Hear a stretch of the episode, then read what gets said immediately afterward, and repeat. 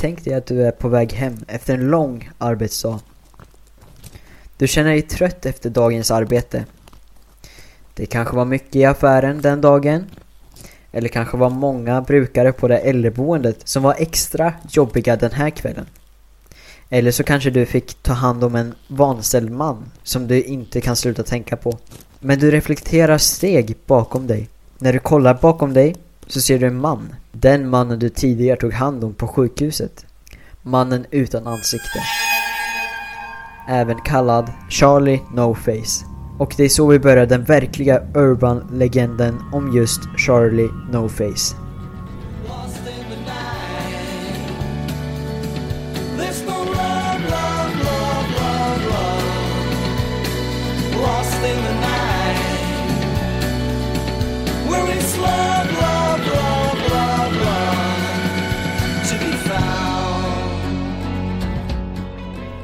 Hej och välkommen till ett nytt avsnitt av Lägerelden. Det här är andra avsnittet i ja, andra säsongen. Och vi ska prata om Urban Legends idag. Så det här blir alltså Urban Legends 2. Och om ni har hängt med i podden ett tag så vet ni att det var poddens allra första avsnitt.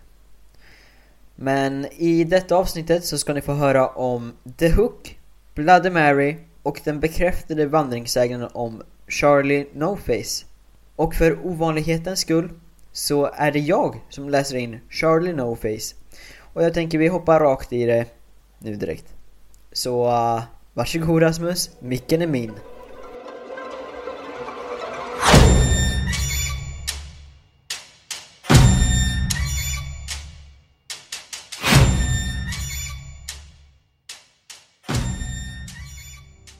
Som tidigare sagt så var Charlie No Face en bekräftad vandringssägnen om en man som hette Raymond Robinson och föddes den 29 oktober 1910. Raymond var en vanställd man som tog sig nattliga promenader. Detta då han var rädd för att han skulle skapa panik i stadens befolkning. Han blev vanställd när han var 8 år gammal. Det han gjorde var att han klättrade upp för ett träd för att kika på ett fågelbo.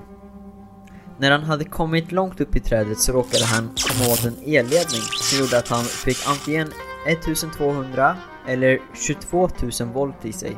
Det som hände när han blev chockad var att hans ansikte blev missbildat, han blev bland annat blind samt att han förlorade sin högerarm. Han togs till sjukhuset. Läkarna trodde inte att han skulle klara sig, men efter många om och men så överlevde han. Efter olyckan så gömde hans familj honom från omvärlden. Detta då man gjorde så förr i tiden med personer som var annorlunda eller som hade funktionshinder. När han blev äldre så gjorde de ett eget boende åt honom i deras garage. Det var där han lärde sig att göra plånböcker samt dörrmattor av gamla bildäck. När han blev vuxen så började han att ta sina nattliga promenader. Men under en av sina nattliga vandringar så stötte han på en kvinna. Kvinnan visste inte att Raymond fanns, eller hur han såg ut. Så när hon såg honom så vart hon förskräckt och sprang iväg. Efter mötet med Raymond så började hon berätta historier om den mannen hon mött. De som fick höra historierna började kalla honom Charlie Noface.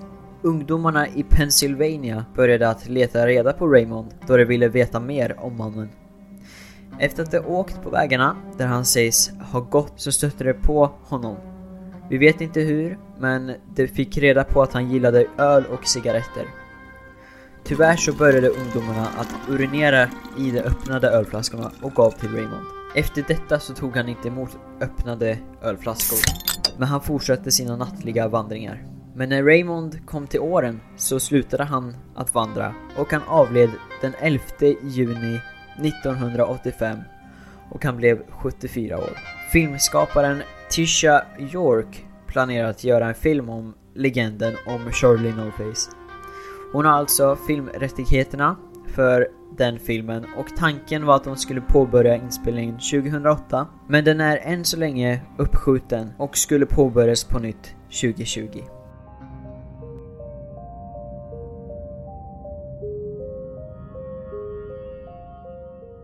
Jag personligen tyckte i början av vår research om Charlie No Face så var han rätt obehaglig.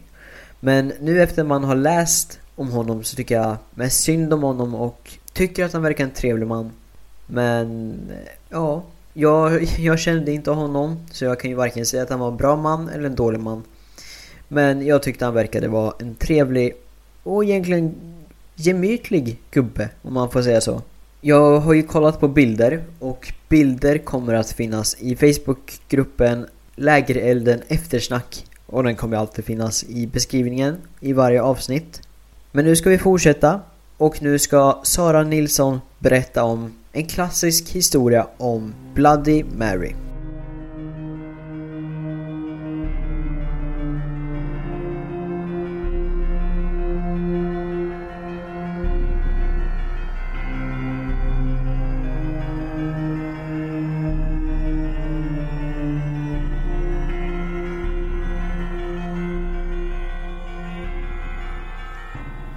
Bloody Mary, Bloody Mary, Bloody Mary. Visa dig. Kanske en fras du känner till. Det är många barn och ungdomar som sagt denna fras. Speciellt på toaletten. Men vart kommer det ifrån? Bloody Mary finns i olika spektrum. Ett av spektrumen är Elizabeth Bathory. Det sägs att hon badade i blod från slavar för att se yngre ut. Men nu ska vi prata om en spegelritual och dess mening. Ritualen går ut på att du som kvinna ska kunna se din framtida man stå bredvid dig i spegelbilden. Men du kan även se döden. Och det innebär att du kommer dö ogift. Men innan du kan se något av dessa så måste du snurra några varv. Ha tänt ljus i ena handen och en handspegel i den andra. Sedan ska du gå baklänges upp för en trappa. Därefter kan du se din framtida man. Eller döden. Men nu ska du få höra en historia om en häxa som kallades Bloody Mary. Men heter egentligen Mary Warrington. Hon bodde djupt inne i skogen i en liten stuga och sålde växtbaserade läkemedel. Folk som bodde i staden i närheten kallade henne Bloody Mary och sa att hon var en häxa. Ingen vågade. Ingen vågade korsa den gamla dungen av rädsla för att deras kor skulle torka ut, deras livsmedelsbutiker ruttna bort innan vinter och deras barn blir sjuka av feber. Eller något antal fruktansvärda saker som en arg häxa kan göra mot sina grannar. Sen började småflickorna i byn försvinna. Ingen kunde ta reda på vart de hade gått. Sorgsnedkända familjer sökte i skogen, de lokala byggnaderna och alla hus och lador men det fanns inget tecken på de saknade tjejerna. Några modiga själar gick till Bloody Marys hem i skogen för att se om häxan hade tagit tjejerna. Men hon förnekade någon kännedom om försvinnandena. Ändå noterades att hennes hårda utseende hade förändrats. Hon såg yngre ut, mer attraktiv. Grannarna de var misstänksamma, men de kunde inte hitta något bevis på att häxan hade tagit deras tjejer. Sedan kom natten när mjölnarens dotter steg upp från sängen och gick ut och följde ett förtrollande ljud som ingen annan kunde höra. Kvarnarens fru hade tandvärk och satt uppe i köket och behandlade tanden med ett örtmedel när hennes dotter lämnade huset. Hon skrek efter sin man och följde flickan ut genom dörren. Kvarnaren kom springandes i sin nattskjorta. Tillsammans försökte de hålla tillbaka flickan men hon fortsatte att bryta sig lös ifrån dem och gick ut ur staden. Kvarnarnas desperata rop väckte grannarna. De kom för att hjälpa det hektiska paret. Plötsligt ropade en skarpögd jordbrukare och pekade mot ett konstigt ljus vid skogskanten. Några boende följde honom ut på fältet och såg Bloody Mary stå bredvid en stor ek och höll en trollstav som pekade mot kvarnarens hus. Hon glödde med ett jordligt ljus när hon satte sin onda förtrollning på malarens dotter. Stadsmännen grep sina vapen och deras skafflar och sprang mot häxan. När hon hörde bråket avbröt Bloody Mary sin förtrollning och flydde tillbaka in i skogen. Den framsynta bonden hade laddat sin pistol med silverkulor ifall häxan skulle komma efter hans dotter. Nu tog han sikte och sköt mot henne. Kulan slog Bloody Mary i höften och hon föll till marken. De arga statsmännen hoppade på henne och bar henne tillbaka in på fältet där hon byggde en enorm bål och brände henne på den. När hon brände skrek Bloody Mary en förbannelse mot byborna. Om någon nämnde hennes namn högt inför en spegel skulle hon skicka sin ande för att hämna sig på dem för hennes fruktansvärda död. När hon var död gick byborna till husen i skogen och hittade de omärkta gravarna för de små flickorna som den onda häxan hade mördat. Hon hade använt deras blod för att göra henne ung igen. Från den dagen till denna dag kommer alla som är dumma nog att sjunga Blooded Marys namn tre gånger innan en mörkare spegel kallar häxans hemlysten. Det sägs att hon kommer riva deras kroppar i bitar och riva deras själar från deras förstörda kroppar. Själarna hos dessa olyckliga kommer att brinna i plågor som Bloody Mary en gång brändes och de kom att fångas för alltid i spegeln.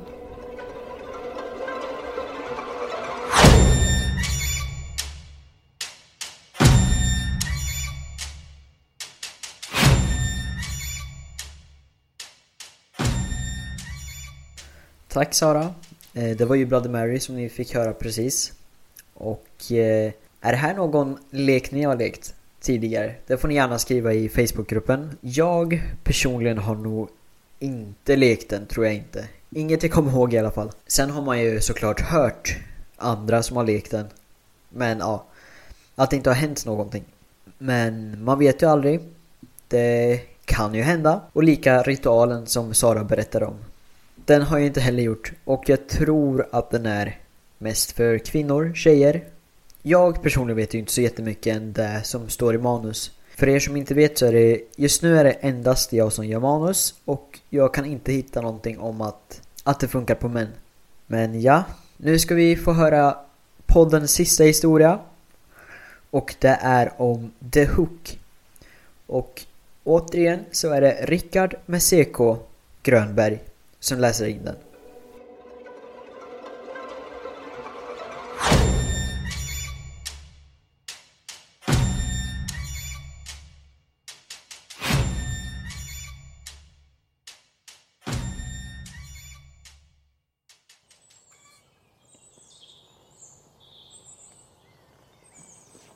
Tänk dig att du lever på 50-talet och har en dejt med den snyggaste, trevligaste killen på hela skolan.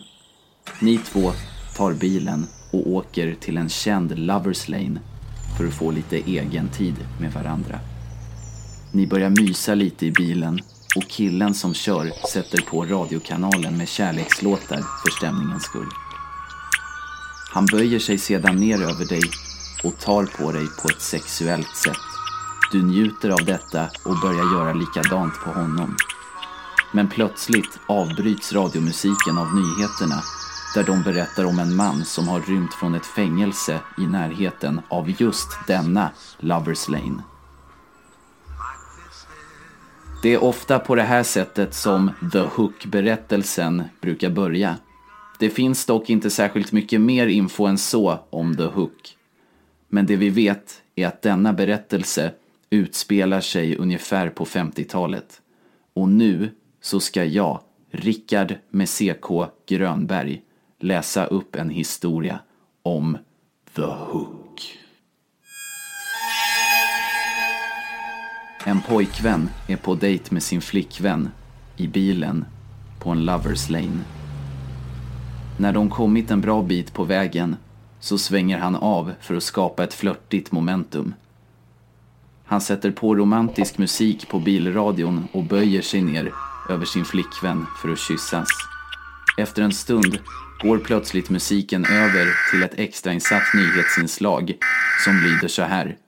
En dömd mördare har precis rymt från fängelset i närheten av en by runt Yorkshire. Han sägs ha tagit sin flykt i riktning mot den välkända Lovers Lane-vägen. Man kan tydligt känna igen den här mannen på hans krok som han har där hans högerhand egentligen ska sitta. Har du sett honom eller har några relevanta tips som kan vara av intresse? Kontakta då polisen omedelbart. Flickvännen blir alldeles förskräckt av nyheten och ber sin pojkvän att köra henne hem igen. Pojkvännen säger ja och låser dörrarna. Sen försöker han kyssa henne igen, men då blir hon ursinnig och knuffar undan sin kille som sedan börjar rivstarta bilen och sen börnar de iväg. Senare, när de är framme hemma hos flickvännen, så kastar hon sig ut ur bilen och rusar fram till dörren. Pojkvännen hör sedan henne skrika helt okontrollerat och skyndar sig ut ur bilen för att ta reda på vad som händer. Men så fort han kommer fram till dörren får han syn på den blodiga kroken som hänger där.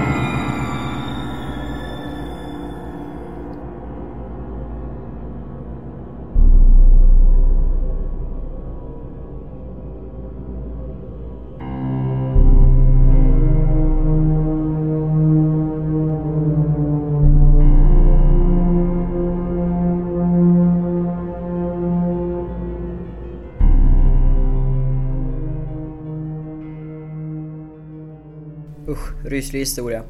Men nu ska vi i alla fall avrunda det här avsnittet. Kanske ett lite kortare avsnitt idag, men så blir det ibland. Men om ni vill se bilder av dessa vi har tagit upp idag så finns det på vår Facebookgrupp som heter Lägerelden Eftersnack. Och länk kommer finnas i beskrivningen av det här avsnittet. Vill ni sponsra podden eller bara komma i kontakt med mig så finns jag på mail, Instagram och Facebook. Min mail är rasmusandbry gmail.com Den kommer finnas i beskrivningen med. Min Instagram är Rasmus Bryngel Andersson i ett sammansatt ord. Och min Facebook är Rasmus Bryngel Andersson. Men tack för att ni har lyssnat och hoppas vi hörs igen näst, nästa vecka. Hej då!